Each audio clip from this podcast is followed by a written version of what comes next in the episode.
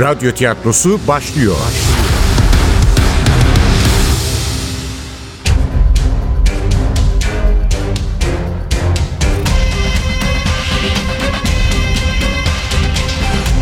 Sultanı Öldürmek 13. Bölüm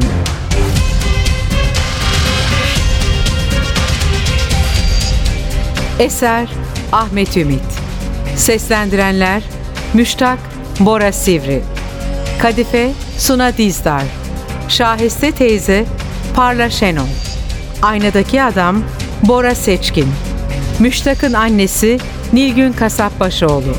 Anneanne Müdrike Coşansu. Efektör Cengiz Saral. Ses teknisyeni Yücel Dönmez. Yönetmen Ogün Yağcı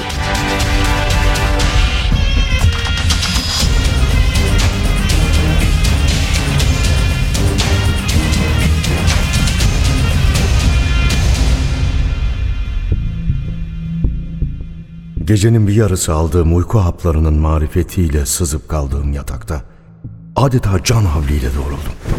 Neler olduğunu kavrayamasam da hatta gördüğüm rüyanın etkisi zihnimde sürüyor olsa da kadife kadının söyledikleri düşmanın savaş meydanına yaklaştığını haber veren bir gözcünün zamansız haykırışı gibi bir anda uyandırmıştı beni. Polis olduklarını söylüyorlar. Halbuki polis olduğunu söyleyen adamların er ya da geç kapımı çalacağını biliyordum. Karın durması, güneşin ışıması, Nusret'in cesedinin bulunması gibi kaçınılmaz bir olaydı bu. Güya hazırlanmıştım. Güya ne olursa olsun soğukkanlılığımı koruyacak, işlediğim cinayetten bir habermiş gibi davranacaktım. Ama hazırlanmak başkaydı, yapmak başka. Çünkü polis olduğunu söyleyen adamlar hiç kapımı çalmamıştı.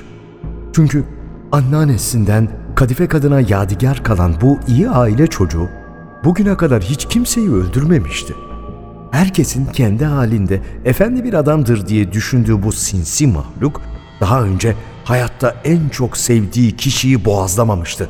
Çünkü kendi mesleğini bile yapmaktan aciz bu beceriksiz şahsiyetin daha önce hiç kanlı sırları olmamıştı.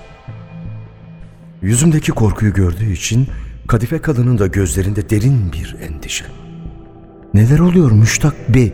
Cesaret edip bunu bile soramadı kadıncağız. Ben de açıklamaya çalışmadım zaten. Nasıl? Polis mi? Allah Allah. Ne istiyorlarmış sabah sabah? Belki de şu hırsızlık meselesidir Müştak Bey. Geçen hafta mahalleye dadanan haramiler var ya, hani bizim kapıyı da zorlamışlardı. Zavallının kafasındaki en büyük suç hırsızlık. Çünkü onu sık sık hırsızlıkla suçlardı teyzem. Vallahi ben almadım hanımcığım. Çocuklarımın ölüsünü göreyim. Ne zaman söylemişti bunu? Yıllar önce anneannemin yakut gerdanlığı çalındığında. Daha gencecik bir kızdı. Ben üniversitede asistandım. Nusret'le aşkımızın en ateşli zamanları. Anneannem için çok önemliydi bu takı. Ona ninesinden kalmış. Çok severdi ninesini. O yüzden teyzeme de onun adını vermişti. Şahiste. Teyzemin aksine çok iyi bir insanmış Şahiste Hanım. Anlata anlata bitiremezdi anneannem. Düğününde takmış bu gerdanlığı boynuna. Altın bir gerdanlığın yedi ucunda yedi kırmızı yakut. Küpelerinde de aynı kırmızı taşlar ama daha küçükleri. İsmi bile vardı.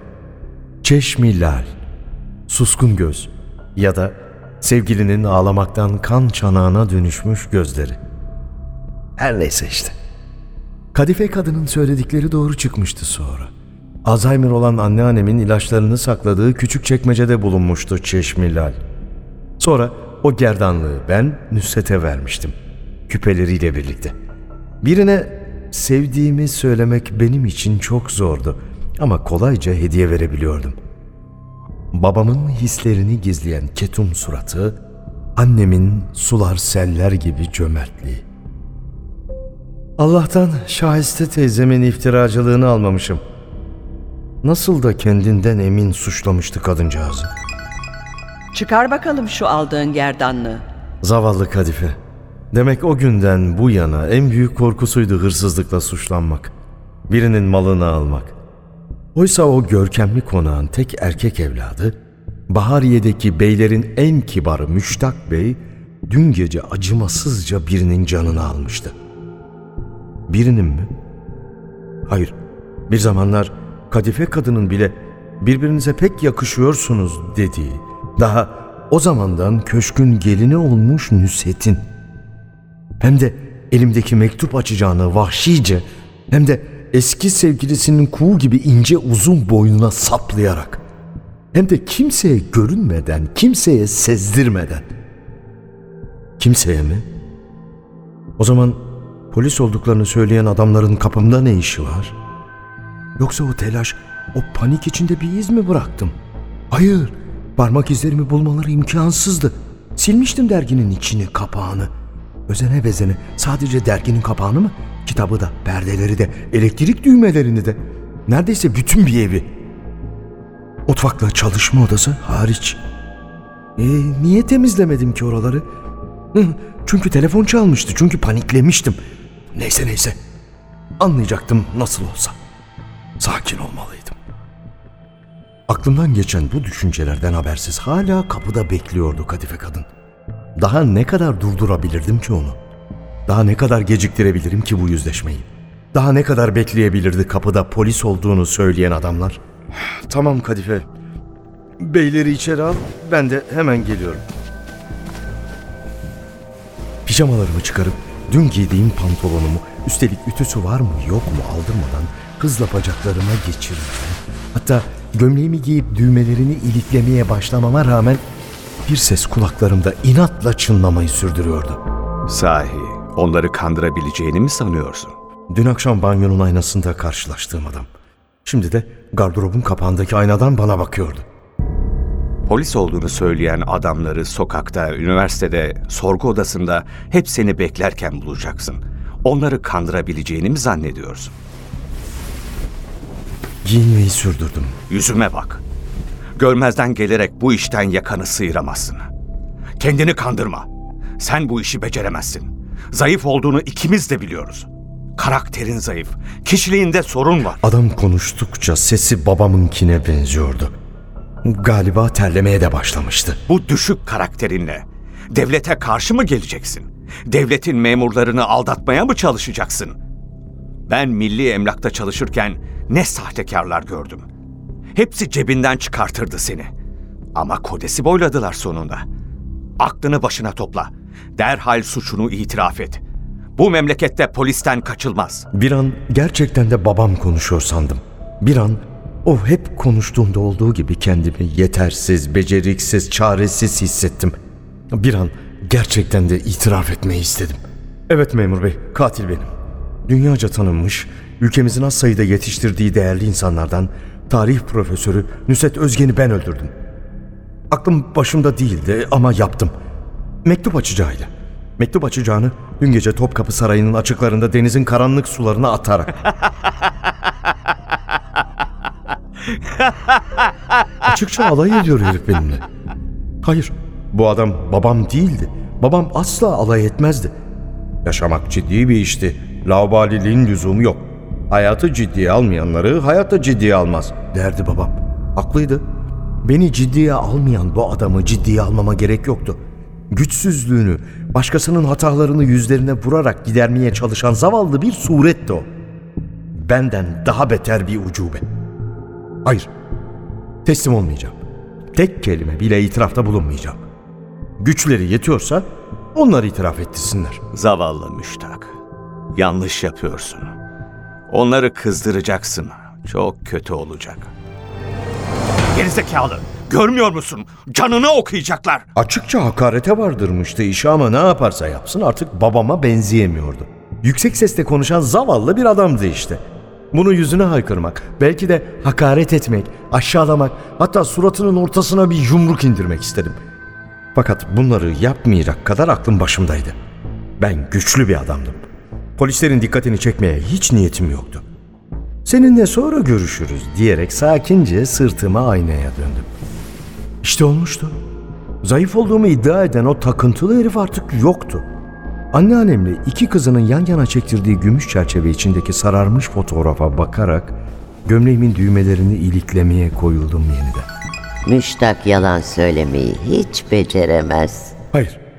Aynadaki adam değildi konuşan. Kimdi öyleyse? Anneannem mi, teyzem mi, annem mi? Hangisi söylemişti bunu? Üçünden biri olduğundan emindim ama kim? Dürüst çocuk da ondan. Bu annemdi işte. Onun her zaman yumuşak, her zaman uysal, her zaman şefkat dolu sesi. Ama yanlış duymuştum. Dürüst kelimesini kullanmamıştı. Terbiyeli çocuk da ondan. Teyzem burun kıvırmıştı. Çok belirgin olarak görmüştüm bunu. Anneannemin kulağına eğilerek Salak da ondan. benim gibi annem de işitmişti kız kardeşinin sözlerini ama duymazlıktan gelmişti. İlginç olan çok sevdiği koltuğunda iki kızının arasında oturmuş boş gözlerle bahçedeki havuza bakan anneannemin tepkisiydi. Sensin salak. Bir kocayı bile elinde tutamadın. Ama bu aptal da sevgilisini tutamadı. Ne güzel bir kızdı Nüset.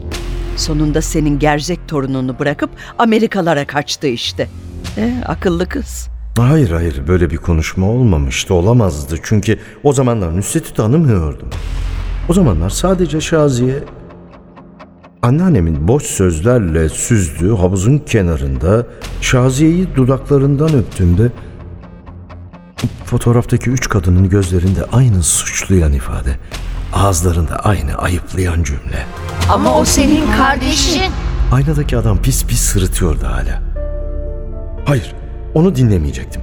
Yalan söylemeyi herkes gibi ben de pekala becerebilirdim. Hayır, ben ne dürüst ne de terbiyeli bir çocuktum. Ben rezil, alçağın dik alası bir adamdım. Örnek insan babamın bütün ikazlarına rağmen vazifesini yapmamak selahiyetine sahip bir yurttaş, bilimi umursamayan bir tarih profesörü, cinayet işleyecek kadar kötü biriydim. Üstelik küçükken de kardeşim sayılacak bir kızı dudaklarından öpmüştüm. Var mıydı daha ötesi?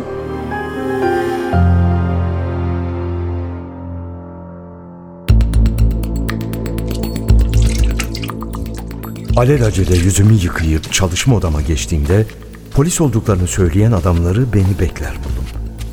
Kırs saçlı, orta boylu olanı teklifsizce koltuğuma yerleşmiş, dün gece masamın üzerinde unuttuğum Babinger'in Fatih Sultan Mehmet ve Zamanı kitabının Türkçe nüshasının sayfalarını merakla karıştırıyordu.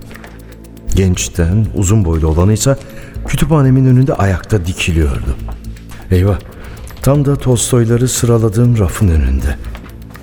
Sağ elinin işaret parmağını Savaş ve Barış'ın son cildinin üstüne koymuş, neredeyse aradaki Kreutzer sonatı çekip Evet Müştak Bey, dün cinayetten önce bu kitabı okuyormuşsunuz diyecek gibiydi. Birden kaygımın ne kadar yersiz olduğunu fark ettim. Sakladığım kitabı görse ne olacaktı? Hem o kitabı okuduğumu nereden bilecekti? Hadi bildi diyelim. Tolstoy'un hikayesindeki cinayetin beni Nusret'i öldürmeye azmettirdiğini nasıl anlayacaktı? Yine de çalışma odamda bulunmaları canımı sıkıyordu. Ah Kadife kadına. Niye almıştı ki onları buraya? Salonda konuşmak daha iyi olmaz mıydı? Yoksa ben mi söylemiştim onları buraya almasını? Neyse, olan olmuştu.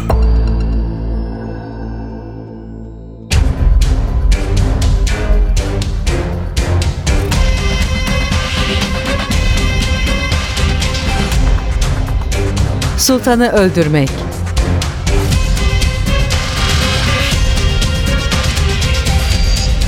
Eser Ahmet Ümit.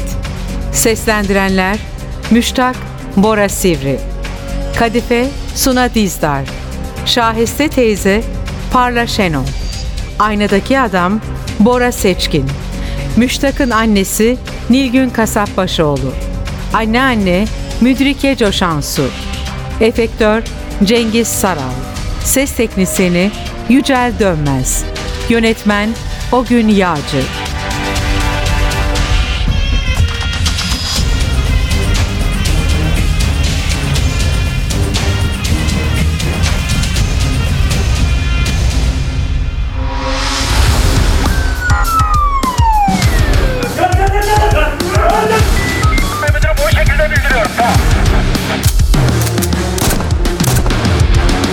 Radyo tiyatrosu sona erdi.